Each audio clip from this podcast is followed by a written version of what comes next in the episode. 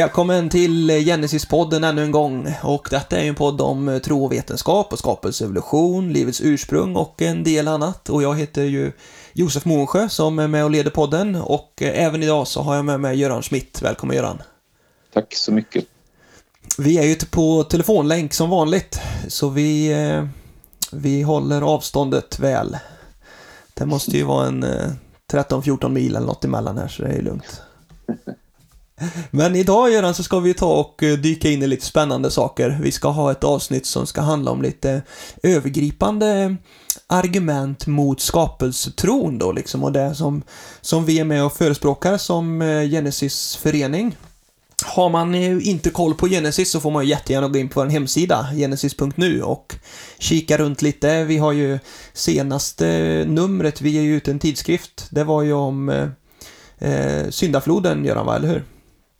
Ja, det stämmer. Det. Decembernumret handlar om det. Ja. Och eh, nästa nummer i, som kommer i början på mars kommer att handla om det som hände efter den stora översvämningen då med när mänskligheten sprids ut över jorden igen då och så vidare. Mycket annat spännande, istid och ja, sånt som hände sen. Så det är ju ett hett tips att börja och prenumerera på Genesis om man inte redan gör det. Absolut. Så det uppmuntrar vi till och eh, ja, det kan dyka upp lite andra marknadsföringstips här under avsnittet men vi ska ta och eh, köra igång. Och då är det så här att det finns ju några stycken sådana här lite mer övergripande invändningar som inte på ett vis handlar om eh, liksom konkreta vetenskapliga argument i sig utan, utan det är lite mer övergripande. Eh, det första är ju det Göran, som jag har skrivit lite här att Alltså ibland kan man ju få höra då som skapelsetroende på en eh, att Gud har skapat direkt, inte genom evolution och, och sådär. Men att, att eh, det här med skapelsetro, intelligent design och detta, att det inte är riktig vetenskap kan man ju höra folk som, som säger liksom att det, det är pseudovetenskap och jag tror till och med att det har skrivits lite böcker just på det temat och sådär. Eh, men mm. vad, vad skulle du säga om detta? Vad finns det för något intressant att bena ut? Ja, vad ska man säga? Det, det, det som är den absolut övergripande frågan, den som egentligen betyder någonting, det, det är naturligtvis inte om eh, någon sorts definition, vad man kallar det ena eller det andra, eh, utan det är sanningsfrågan. Alltså, vilket perspektiv är det som är sant? Vilket perspektiv är det som stämmer bäst överens med evidensen? Sen om man då, eh, vissa personer vill säga att jaha, men det synsättet det är inte vetenskapligt och det är pseudovetenskapligt eller det andra. Det, det är faktiskt en, en lite underordnad fråga egentligen. Men allra först kanske man ska säga så här att när det gäller, när det gäller de här frågorna om evolution så måste man vara medveten om att som skapelsetroende, som bibeltroende så, så, så skil, är det viktigt att man skiljer då mellan vad som är direkt vetenskapligt, alltså observerbart, sånt som man kan göra experiment med när det gäller hur eh, livet fungerar på jorden och förändras och så. Och då har vi de här begreppen med mikroevolution och makroevolution som vi har pratat om flera gånger tidigare i, i den här poddserien. Liksom. Att, att det är viktigt att veta det att, själva, alltså, att, att levande varelser förändras, det är alla överens om. Det finns ingen skillnad i synsätt Eh, eller vetenskapligt angreppssätt eller så. Där, där är alla överens. Men sen har vi den här andra dimensionen som ofta man inte skiljer på utan eh, som då kallas för makroevolution. Alltså att, att variationen är helt obegränsad. Det är ju så evolutionsföreträdare då menar. Alltså att den variation man kan se i naturen, det är bara att plussa på den under årmiljoner och årmiljarder så, så kan man förklara allting. Alltså vilka förändringar som helst, bakterier till människa. Eh, och, och, den biten, den är ju en historisk, det finns en historisk dimension i den, eller rättare sagt det är framför allt en historisk dimension. Och, och, och, den är, visst kan den vara vetenskaplig precis som vanlig historia, historisk vetenskap eller historisk geologi i vetenskap, men den måste bedömas utefter andra kriterier. Så att eh, ja, det, det, är viktigt att ha det som en, en, en, en bakgrund. Dels alltså att, att det handlar om, den viktigaste frågan är, är vad som är sant och och också att man skiljer mellan eh, det man kan veta om livets förändringar eh, och det man kan ha hypoteser om, olika hypoteser om. Så. Just det. Så Och det bara, en, sorts... jag, jag tänker på en lite kul eh, fakta, eller vad vi ska säga då. Visst är det så att just de här begreppen, mikro, makro, evolution, det är ju inte några kristna skapelsetroende som har hittat på dem från början heller, va? utan det är ju eh, nej, det- evolutionsbiologer det är eller ju- något sånt där. Ja, men absolut. Det är liksom eh, etablerade begrepp som, som förekommer mycket. Det, det är ett praktiskt begrepp. Det är ju liksom ingen skillnad i... Alltså det, det är ingen skapelse. Det brukar hävda, alltså jag hör ju många gånger att evolutionister säger så här, ah, ni har missförstått evolutionen då för att eh, sådär hela tiden grundligt och så vidare. Men, men, men, och det, det är för att det, det liksom tillskrivs oss att vi skulle säga att makroevolution är något helt annat än mikroevolution. Det är inte det. Vi säger samma sak hela tiden. Mikroevolution plussas på och, och, och så i det långa perspektivet så har vi makroevolution. Det är, det är ingen skillnad i, i mekanismen på något sätt. Eh, det har jag alltid sagt, men, men eh, så. så att, eh, men läser man på nätet så ser man ju det att även evolutionsbiologer använder sig av mikroevolution därför att det är ett praktiskt begrepp eh, så, att använda om makro också. Så att, ja. Men, men vad finns det för olika, alltså just när vi pratar om det med vetenskap då liksom, och är skapelsetro vetenskapligt och, och sådär. Mm. Vad är de olika, om vi skulle liksom gå in lite på Ja, det, alltså- vetenskapsteori typ, eller vad kallar man det? Ja, alltså överhuvudtaget när man eh, när man säger så här att ja, men det ni ägnar er åt, alltså vi då, det är då pseudovetenskap. Det är ingenting som har med vetenskap att göra. Eh, då, då grundar man ju det på något sätt på att det finns eh, vissa kriterier som då avgränsar vad som är vetenskap, verklig vetenskap, och sånt som bara låtsas vara vetenskap eller är någon sorts eh, ja, ja, men förfalskning av vetenskap eller sådär. Va? Eh, alltså som något religiöst eller filosofiskt eller något annat så. Eh, och, och då finns det ett antal, jag bortser nu från helt eh, löjliga grejer som till exempel att ja, men bibeltroende forskare de publicerar aldrig sina resultat i några ansedda tidskrifter och liknande. Det, det, är sånt där som man kan, man kan bara, det, det är bara en vandringssägen att det skulle vara på det sättet. Så, men det finns några kriterier som brukar användas mot eh, skapelsetroende. Det är till exempel att eh, ett kriterium det är vad man brukar kalla för observerbarhet. Alltså att man kan eh, att man kan, eh, måste kunna göra experiment, man måste kunna visa eh, då eh, Eh, och kunna se saker och ting. Då, då är det vetenskap. En annan sån, eh, ett sånt kriterium det är då att man ska kunna upprepa experiment. Eh, alltså om en forskare gör ett visst experiment och får ett visst resultat så ska det kunna upprepas av andra forskare som bekräftar att ja, det stämmer faktiskt så. Det var upprepbarhet. Sen en annan sån här viktig, eh, eh, viktig kriterium det är liksom att en, en hypotes, om den ska vara värd namnet så ska den kunna göra förutsägelser om kommande eh, förlopp i, i naturen till exempel. Så att det ska vara testbara prediktioner som man brukar säga då.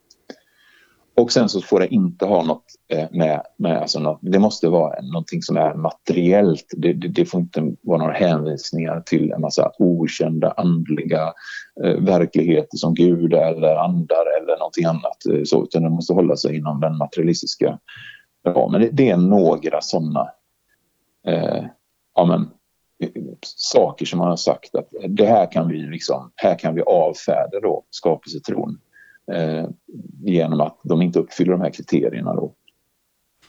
Just det, och det stämmer det då? Är det liksom... eh, Uppfyller inte kreationismen dem? Ja, ja, alltså det är ju lätt att säga sådana grejer, men, men, men jag, tänker, jag tänker att vi kan, vi kan helt enkelt bara titta lite grann. Vi kan börja med evolutionsteorin. Så kan vi bara tänka så här, ja, men uppfyller evolutionsteorin eh, de här kriterierna? Eh, eh, och så kan vi titta lite grann på hur skapelsetron står sig i förhållande till det då. Och tar man då en sån grej som, om, om vi tar dem i turordning, så, så observerbarhet, kan man observera evolutionen? Nu, nu, nu är det viktigt då att konstatera att, som jag sa, att mikroevolutionära förlopp, alltså att det sker förändringar i naturen, det är ju, det är ju helt okontroversiellt därför att det menar både evolutionsbiologer och bibeltroende biologer. Eh, så, så, det kan vi bortse ifrån. Utan nu handlar det då om makroevolution, det vill säga det där storskaliga förloppet. Då. Är det observerbart? ja, alltså det är vanligt att man hör så här inom evolutionsteorin att det är orättvist av kreationister att begära att evolutionen skulle kunna observeras. För det är en alldeles för långsam process. Så, så, så liksom, när ni begär att, att vi ska kunna visa att, att eh, eh, den storskaliga evolutionen är ett faktum så är det orättvist därför att den är alldeles för långsam. Det tar miljoner och miljarder år för de här processerna att ske. Då. Så, att, så att då kan man ju säga det att ja men vänta nu, det betyder ju faktiskt att evolutionen i den där kontroversiella bemärkelsen den är faktiskt inte observerbar. Eh, så, så att eh, Visst är det så, Göran, jag får skjuta in en grej då, att ja. vad gäller, alltså när man tittar på fossil och sånt där, då mm. är det ju närmast på andra hållet vad gäller evolutionen, va? Att då säger man att... Ja, precis. Då säger man ju istället så här att ja, men ni kan ju inte, ni kan ju liksom inte begära att vi ska kunna hitta mellanformer mellan alla olika sorters varelser. För, för att, precis som du säger, evolutionen går ju alldeles för fort de har inte hunnit bevaras i fossilen. Eh, eh, fossilbildning är en väldigt långsam och sporadisk process. Sådär. Och, och, och, och, evolutionen, eh, så att de har inte, så att orsaken till att man inte hittar mellanformerna, ja, men det är att evolutionen har gått för fort. Så det, det är precis så där, va? Det, det, ja, men det beror på situationen vilket argument man väljer att använda, använda sig av. Då, Va? Så att jag skulle säga så här, vad gäller observerbarhet så kan man dra slutsatsen att makroevolution som idé, det uppfyller inte kravet för att vara eh, vetenskaplig. Eh, den är inte observerbar helt enkelt och det tror jag att även evolutionsbiologer skulle hålla med om. Sen har vi det där med upprepbarhet. Och där kan man säga att där är lite dubbla budskap som man får från evolutionsbiologer eh, lite grann sådär. Därför att många, många säger, kända evolutionsbiologer har sagt så här att om vi skulle kunna köra rewind på evolutionen 100 miljoner år och sen sätter på play igen så, så, så, går det 100 miljoner år igen. Då skulle slutresultatet inte alls bli samma som första gången. Och skulle vi köra rewind en gång till och, och låta det play igen, ja, det skulle bli helt, helt, helt annorlunda. Just därför att det inte finns någon eh, given plan eller, eh, eller sådär med evolution utan den bygger ytterst på slumpmässiga mutationer och sen ett naturligt urval i en föränderlig miljö. Så, så att på det sättet så kan man ju lugnt säga att vad, vad då? Uh, upprepbar uh, evolution, den är ju per definition inte upprepbar i så fall. Då. Uh, sen, sen kan man naturligtvis säga, det, jag, jag sa det att det är lite dubbla budskap och då menar jag det att i vissa sammanhang så, så förväntar sig då evolutionister att Eh, om två varelser befinner sig i, på vitt skilda, alltså vitt skilt geografiskt från varandra, men miljöerna är likartade, så kommer evolutionen att eh, se till att det uppstår då liknande strukturer och funktioner därför att de här miljöerna är, är likartade. Då. Det är det som brukar kallas för konvergent evolution. Eh, och, och så, eh, det finns ju liksom fullt med den typen av, eh, av strukturer då, som vi har pratat om tidigare program. Till exempel med fladdermössens eh, och delfinernas ekolodsystem och så vidare. Men, men, men liksom, det är bara det att det är mer ett konstaterande av att de här sakerna faktiskt finns där ute i naturen själva orsaken till att de finns till, ja det kan vara evolution. Men det skulle också kunna vara en design.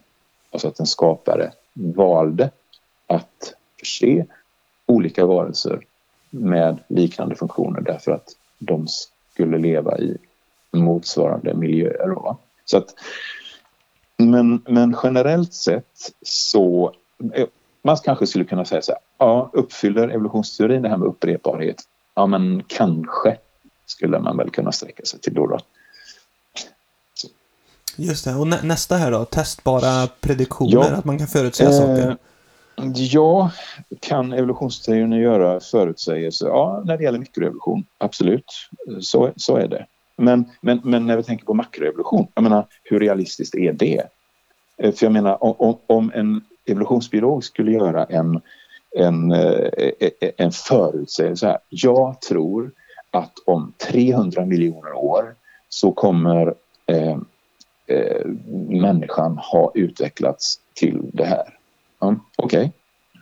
Ja, men hur ska vi kolla det då? om, det, om det stämmer.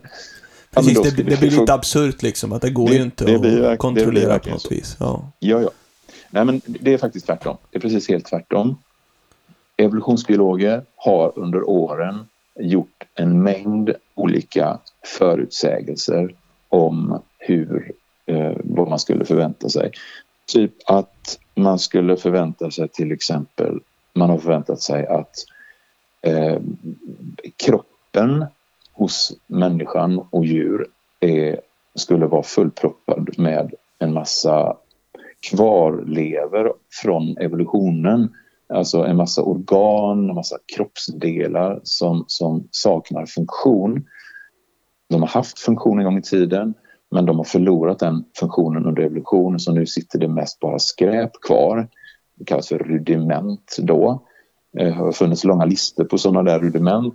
Hundra, det är hundra men, liksom på sådana listor? Ja, det, ett par det, hundra kanske? Det, det, ja, det är det. Det är, det. det är jättemånga så. Men, men de har ju liksom försvunnit under 1900-talet och in i vår tid så att det finns ju liksom ingen sån lista kvar. Det finns liksom några exempel kvar som men å andra sidan, det är ju precis vad vi som skapelsetroende skulle förvänta oss också, liksom, att saker förlorar funktion efterhand som tid går i viss mån. Eh, Mm. men, men det där argumentet, det, det var en, en förutsägelse. Och, och, den senaste tappningen av det, det är ju det här att, att 99 procent av vårt DNA skulle vara i form av skräp då. Det här, det här har liksom varit en bit in på 2000-talet så har det här använts. När jag har debatterat med, med professorer så har det här liksom varit ett sånt där huvudargument man har använt. Liksom. Alltså hur skulle skaparen eh, kunna, kunna skapa 99% skräp? Vad är det för en klantig skapare? Liksom? Den typen av argument har använts mot oss. Och vad ser vi idag då? Ja, men vi ser att den, och, och vi har hela tiden, som skapelsetroende har vi hela tiden betonat vänta och se, vänta och se.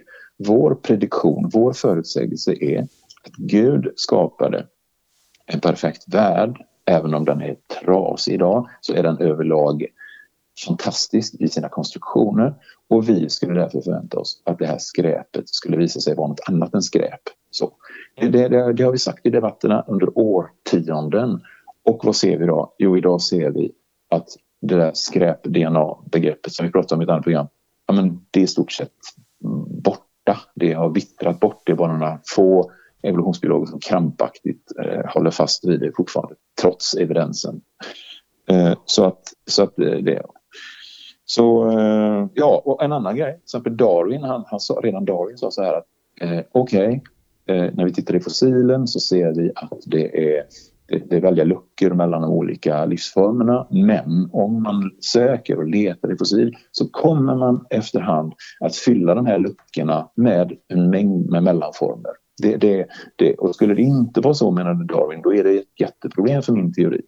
Ja, men nu har man letat i 150-170 år efter fossil. Och vad man hittat? Ja, man hittar att de här luckorna är fortfarande minst lika stora som de var på Darwins tid. Så de evolutionistiska prediktionerna slår praktiskt taget alltid fel och de skapelsetroendes prediktioner stämmer. Faktiskt. Och det är klart att skapelsetroende har säkert gjort lite felaktiga förutsägelser ja, också i vissa avseenden. Men, men det är ja. klart det är märkligt att evolutionsläran, evolutionister eh, verkligen slår så tydligt fel i, i många avseenden. Ja, ja. Och det, man eh, sopade under mattan med ganska raskt att ja, ja, men det, det, har hela tiden funnits en och annan evolutionist som har tänkt så också. Så att, eh, och det är naturvetenskapens gång att man förkastar dåliga hypoteser och, och ersätter dem med nya och så lever evolutionsteorin kvar i lika eh, hög grad ändå. Så det, det är liksom så det funkar. Men den, den sista, det sista kriteriet här, och det här med eh, är det så alltså att evolutionsteorin utesluter icke-materialistiska inslag. Alltså, skapelsetron handlar ju faktiskt om att det finns en gud som står över naturen, som skapade naturen och skapade den levande världen och allting. Va? Så det, det, är klart, helt klart är det så att, att skapelsetron har ju med det här begreppet Gud i, i, i sin, eh, alltså en grund för, för modellen så att säga. Men är det verkligen så att evolutionsteorin eh, inte, att den är helt fri eller klockren på det här området? Ja, det är, det är lite sådär verkligen för att tittar man närmare på evolutionsteorin så, så, så, så ser man ju att ja, det finns mängder med eh, olösta frågor inom evolutionsteorins berättelse eller skapelseberättelse då som, som inte finns några vetenskapliga svar på. Eh, som till exempel ja, men livets ursprung. Då. Och då kanske någon säger att ja, men det är inte evolution. Då, då. Men, men jag menar, eftersom, eftersom evolutionsbiologer faktiskt säger att ja, vi vet inte hur livet kom till men så, så vi glömmer det för tillfället och så tittar vi på, på, på själva evolutionen från det att livet faktiskt har uppstått. Då. Men då lämnar man ju faktiskt en liten glipa där ändå för att ja, men det kanske finns någon annan förklaring än rent materialistiskt. Då. Eh, och varför skulle det inte kunna vara det då när det gäller livets fortsatta utvecklingsändå? Men som sagt, livets ursprung det, det är, en sån där, det, det, är bara ett stort frågetecken idag. Eh, så, vi har det här med genetiska koden och alla andra språkliga överenskommelser som finns i alltså, i den där levande cellen som den bygger på på något sätt. Va? Hur uppkom könen? Hanne, hona? Eftersom livet från början då förväntas ha varit bara enkönat då, bakterier och så vidare som delar på sig. Hur, hur, hur uppkom livets olika, alltså livsformernas olika grundläggande byggnadsplaner, alltså konstruktionsplaner? Hur, hur eh, uppkom nya eh, strukturer, till exempel hur gick det till när kräldjursfjäll omvandlades till fjädrar som sen möjliggjorde flygförmåga och sådana här saker. Hur uppkom flygförmågan? Eh, och, det, och, och, till exempel då det här med mellanformerna. Liksom. Hur, hur, hur kom det sig att, att de liksom, varför är det på det sättet? Va? Om självmedvetande. Det finns mängder med sådana här saker. Alla de här alltså, luckorna i vår kunskap måste hanteras på något sätt. Och hur gör evolutionister det då? Jo, genom att hänvisa till framtida forskningsresultat. Alltså saker som ännu inte existerar i sinnevärlden då utan bara i form av förhoppningar. En sorts metafysisk tro på att vetenskapen, en stort V, i framtiden kommer att hitta de här svaren. Och, och då, så, så jag skulle säga att man kan konstatera att, att evolutionsteorin flörtar också med det där okända. Det där som inte går att verifiera utifrån eh, vetenskapliga experiment. Sånt där. Man flörtar lika mycket, skulle jag säga, med det okända, det framtida, det vi inte vet idag som vi gör när vi säger att ja, men vi tror att det, det var en gud som skapade. För vi, vi, vi ser att tecknen tyder på det. Då. Så att, vad ska man säga? Ja, men lika illa bägge två, kanske man kan säga då. Och, och visst är det, är det inte ibland så gör den också att det är liksom årmiljoner eller lång tid, att det gör man ju också nästan ibland till en magisk grej, att bara det finns lång tid, då löser det sig. Ja, ja. Jo, men det, det stämmer ju precis. Det är som ett, som du säger, ett magiskt trollspö. Man bara, ja, ja, men det tog ju så lång tid så det, det förklarar det. Så det, det, det är samma där. Det, det är liksom en sorts, eh, ska man säga, naturmagi eh, i det någonstans. Så, så där, evolutionsteorin och skapelseteorin kan man nog säga uppfyller det kriteriet lika illa. Då. Så, så tittar man lite nu på men, skapelsetron då. Och, Precis, och, för om vi, om vi sammanfattar lite, vi behöver gå vidare ja. också, men vad, vad blir liksom slutsatsen av detta då med? Ja, men när det gäller, jo men när det gäller, när det gäller de här fyra kriterierna så kan man säga så här att Eh, evolutionsteorin uppfyller dem sådär, inget vidare. Så. Eh, eh, och jag skulle vilja säga några ord bara innan vi går vidare. Några ord om, om man nu sätter det i relation till kreationismen eh, och, och titta lite grann på eh, om det är riktigt lika illa med, med skapelsetron. Om vi då tar observerbarheten, då skulle jag säga så här att ja, det, det är självklart så att vi var inte med när Gud skapade. Vi kunde inte se när Gud skapade de olika grundarterna av de olika livsformerna. Däremot kan vi ju se hur levande arter förändras idag. Eh, precis som inom evolutionsteorin då, så, så mikroevolution. Men det vi kan se när det gäller, eh, när det gäller för övrigt då när vi tittar på biologin så kan vi se att det, vi kan faktiskt observera den faktiska frånvaron av övergångsformer mellan livsformerna. Eh, och det är precis vad vi skulle förvänta oss utifrån den bibliska skapelseberättelsen där det står uttryckligen att Gud skapar de olika grundtyperna, de olika slagen av levande varelser. Vi kan faktiskt, kan man säga, observera att de inte finns i det fossila arkivet. Så där skulle jag faktiskt säga då att där är det faktiskt någonting som vi kan observera som, som gör att vi uppfyller det här mycket bättre än evolutionsteorin gör. Kan, kan man även säga att vi kan eh, observera design? Ja, det kan vi faktiskt göra. Vi, vi kan observera att det finns en mängd olika strukturer och eh, funktioner hos levande varelser som alla har det gemensamt att de består av en massa, massa olika eh, delar som alla måste finnas på plats samtidigt för att funktionen ska finnas där. Eh, skulle någon av de där delarna saknas, då, då, finns ingen funktion. Man kan alltså inte bygga de där strukturerna stegvis i någon sorts evolutionär process. Då eh, skulle det inte finnas något för det naturliga urvalet att välja ut förrän allt redan finns på plats. Alltså, det, skulle, det, det kan man säga. Så att det är också ett, en egenskap, som du säger, eh, hos eh, biologiska varelser som, som faktiskt är helt, det har du helt rätt i. Den är observerbar, den, de sakerna. Sen upprepbarheten då, så, så kan man väl säga att nej, Gud har inte upprepat skapelsen eh, någon mer gång. Gud gjorde det en gång för alla. Så, så på det sättet så uppfyller inte kreationismen det här kravet på upprepbarhet då. Men som jag nämnde förut så kan vi ändå se att, att, att eh, det finns liksom, till exempel hos, hos de där fladdermössen och delfinerna, så finns det alltså samma program, alltså mjukvara i de här två helt olika varelserna då. Eh, så att de är, de är, det är precis som att programmerarnas programmerargud, han, han valde att använda sig av samma programvara i båda de här helt olika varelserna.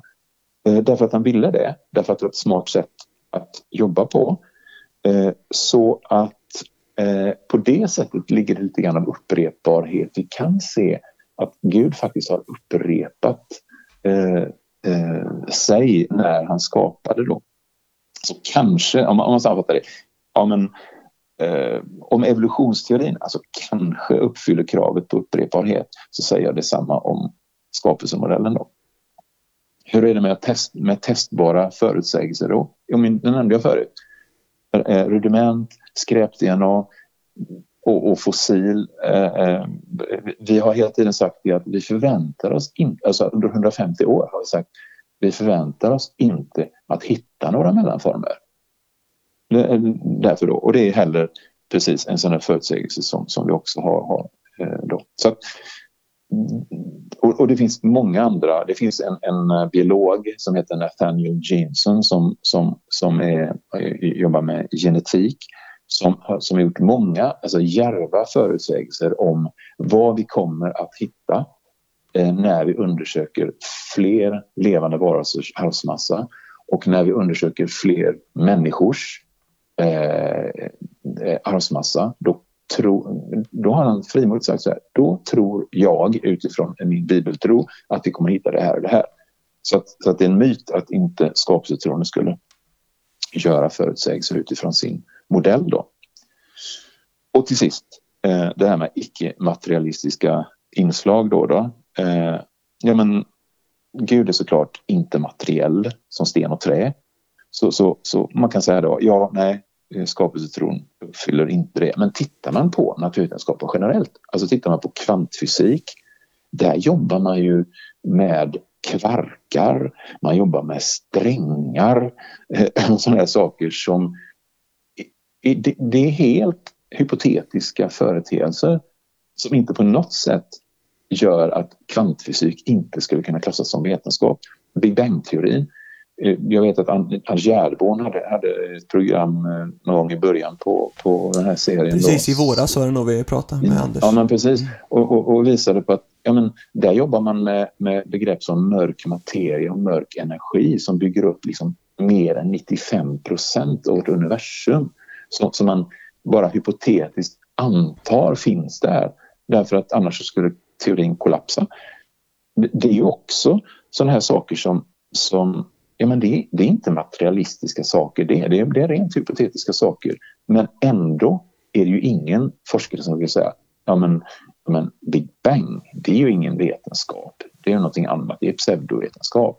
Så att, man kan nog säga så här att nej, det är nog i alla fall inte så att man kan, man kan, man kan inte använda.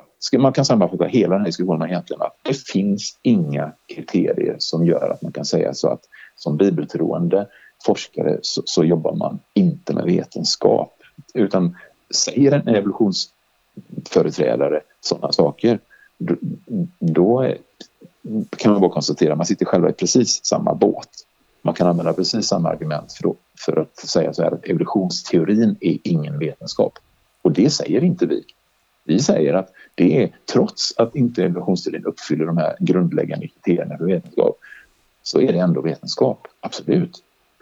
Men, men eh, om jag slänger in en liten kommentar då, alltså visst är det ändå ja. så att inom olika naturvetenskapliga vetenskaper så jobbar man ju lite olika också. Alltså fysiken jobbar ju mer med matematiska modeller och sånt va? Om man jämför med biologin liksom eller sådär. Så det, det ser lite olika ut med.